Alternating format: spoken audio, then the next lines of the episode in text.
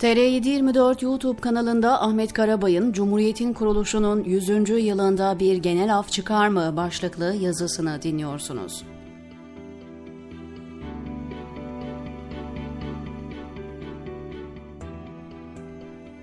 Türkiye 3 ay sonra sadece yeni bir yıla girmiyor. Aynı zamanda Türkiye Cumhuriyeti'nin 100. yaşına adım atmış olacak. İktidar yanlıları bu asırlık dönemeci Lozan Antlaşması'na hapsetmek isterken olacaklar hayli farklı görünüyor. Af konusu da bunlardan birisi. Bugüne gelmeden önce biraz geriye gitmek gerekiyor. Af, bir suçu, bir kusuru bağışlama veya unutma anlamına gelen Arapça kökenli bir kelime. Hukuki tabir olarak da cezanın ortadan kaldırılması veya daha hafif cezaya çevrilmesi anlamını taşıyor. İlk af uygulamasına M.Ö. 400'lü yıllarda rastlanıyor. Bizim tarihimizde ise af uygulaması çok sık bir şekilde karşımıza çıkıyor. Osmanlı döneminde padişahın şahsında olan af yetkisi 1876'da ilan edilen meşrutiyetle birlikte Kanuni Esasi'ye girdi. 1908'de ilan edilen ikinci meşrutiyet sonrasında ise padişahlar af çıkarma yetkisini parlamentoyla paylaşmak durumunda kaldı. Türkiye Büyük Millet Meclisi açıldıktan sonra ilk genel af 7 Ocak 1922'de çıkarıldı. Cumhuriyet döneminde ise ilk af 26 Aralık 1923'te yürürlüğe konuldu. Buna göre 29 Ekim 1923 tarihine kadar işlenmiş suçların cezalarının yarısı affedilmiş oldu. Bu affın kapsam dışı bıraktığı bir kesim vardı. Lozan Antlaşması'nda bir protokolle hain ilan edilen ve tarihimizde 150'likler olarak bilinen kişiler af dışında bırakıldı. Bu afla her türlü suçları işleyenlerin cezalarının yarısı affedilirken, devlete karşı suç işlediği varsayılan 150 aydın hakkındaki hüküm aynen devam ettirildi. Cumhuriyet döneminde ikinci af 16 Nisan 1924'te Affı Umumi Kanunu'yla uygulamaya konuldu. Bu biraz da sistemin aksayan yönlerinin telafi edilmesi amacıyla oluşturuldu. Harbi Umumi'nin başladığı tarih olan 1 Ağustos 1914 ile Mudanya Ateşkes Anlaşması'nın imzalandığı, 20 Kasım 1922'ye kadar işlenen askeri ve siyasi suçları kapsayan bir af kanunuydu. 150'likler bu uygulamanın da dışında tutuldu. Üçüncü af 13 Mayıs 1929'da çıkarıldı. Kabahatlilerin affı ve bazı suç ve cezaların tecili yasasıyla kasti olmamak kaydıyla işlenen suçlara af getirildi. Özellikle devlete karşı işlenen suçlar, kasten öldürmek ve namus suçları gibi suçlar bu kanunun dışında tutuldu. Devlet kendine karşı işlenen suçların cezasını tecil etti ancak 150'likler diye adlandırılanlar yine affedilmedi. 26 Ekim 1933 affı ya da Cumhuriyet'in 10. yıl affı ise o tarihe kadar çıkarılan en kapsamlı af yasasıydı. 10. yıl affı rüşvet, zimmet, kaçakçılık gibi birkaç kalem suç dışındaki suçları kapsamına aldı. Bu af kanununun en önemli tarafı Terakkiperver Cumhuriyet Fırkası mensuplarını ve Atatürk'e karşı girişilen İzmir suikasti mahkumlarını da kapsaması bakımından çok önem taşıyordu.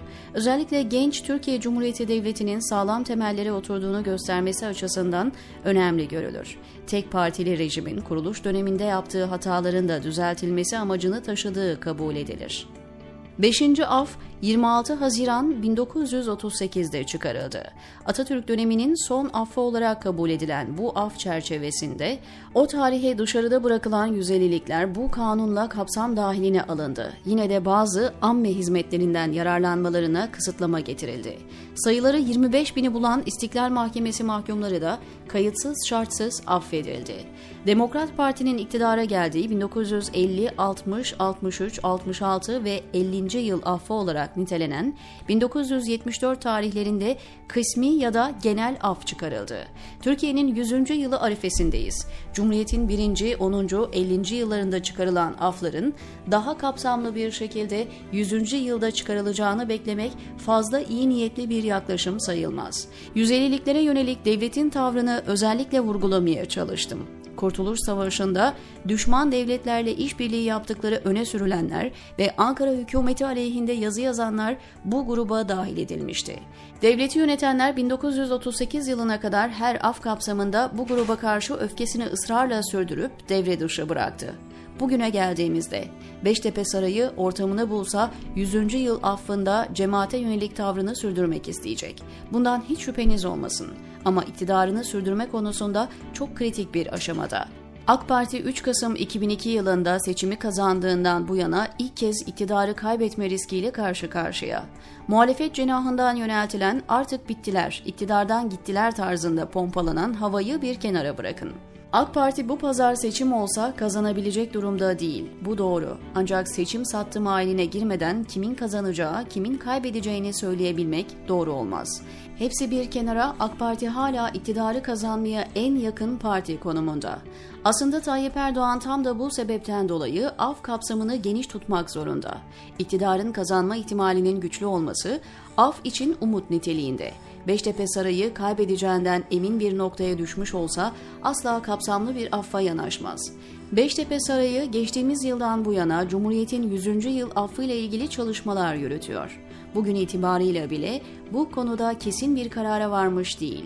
Tabandan yukarıya doğru olan baskı uzun zamandan bu yana devam ediyor. Saraydakiler bu sesleri yakın zamana kadar duymazdan geldi.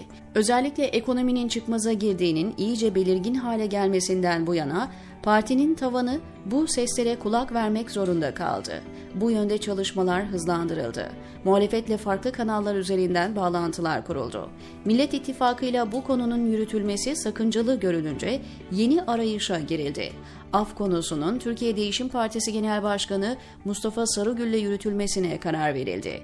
Sarıgül bu konuyu bir misyon olarak üstlendi ve çalışmalarını bu yönde sürdürüyor. Sarıgül hemen her basın toplantısında af konusunu gündeminin en önemli maddesi olarak ele alıyor. Affet Türkiye diye yola çıkan Mustafa Sarıgül, başlarda teröre bulaşmamış, kader mahkumlarının af kapsamına alınmasını dillendirdi. Türkiye'yi il il dolaşan Sarıgül, Hemen her gittiği ilde cezaevi önüne gidip basın açıklaması yapıyor. Sarıgül bu kapsamda 60'a yakın cezaevi ziyareti yaptı. Katıldığı televizyon programlarında da af konusunu özellikle dile getiriyor. Sarıgül bu görüşlerini iktidarla kol kola yürüyen medya kuruluşlarında dile getirmesi büyük önem taşıyor. Sarıgül, af konusundaki söylemlerine başlarda getirdiği terör dışı şartını kaldırdı. Bir süredir devlete karşı işlenen suçları da artık kapsamına almaya başladı. Türkiye yeni yılda kapsamlı bir genel affı yaşayacak. Haksız ve hukuksuz bir şekilde içeride tutulanlar ailelerine kavuşacak, diyor Ahmet Karabay TR724'deki köşesinde.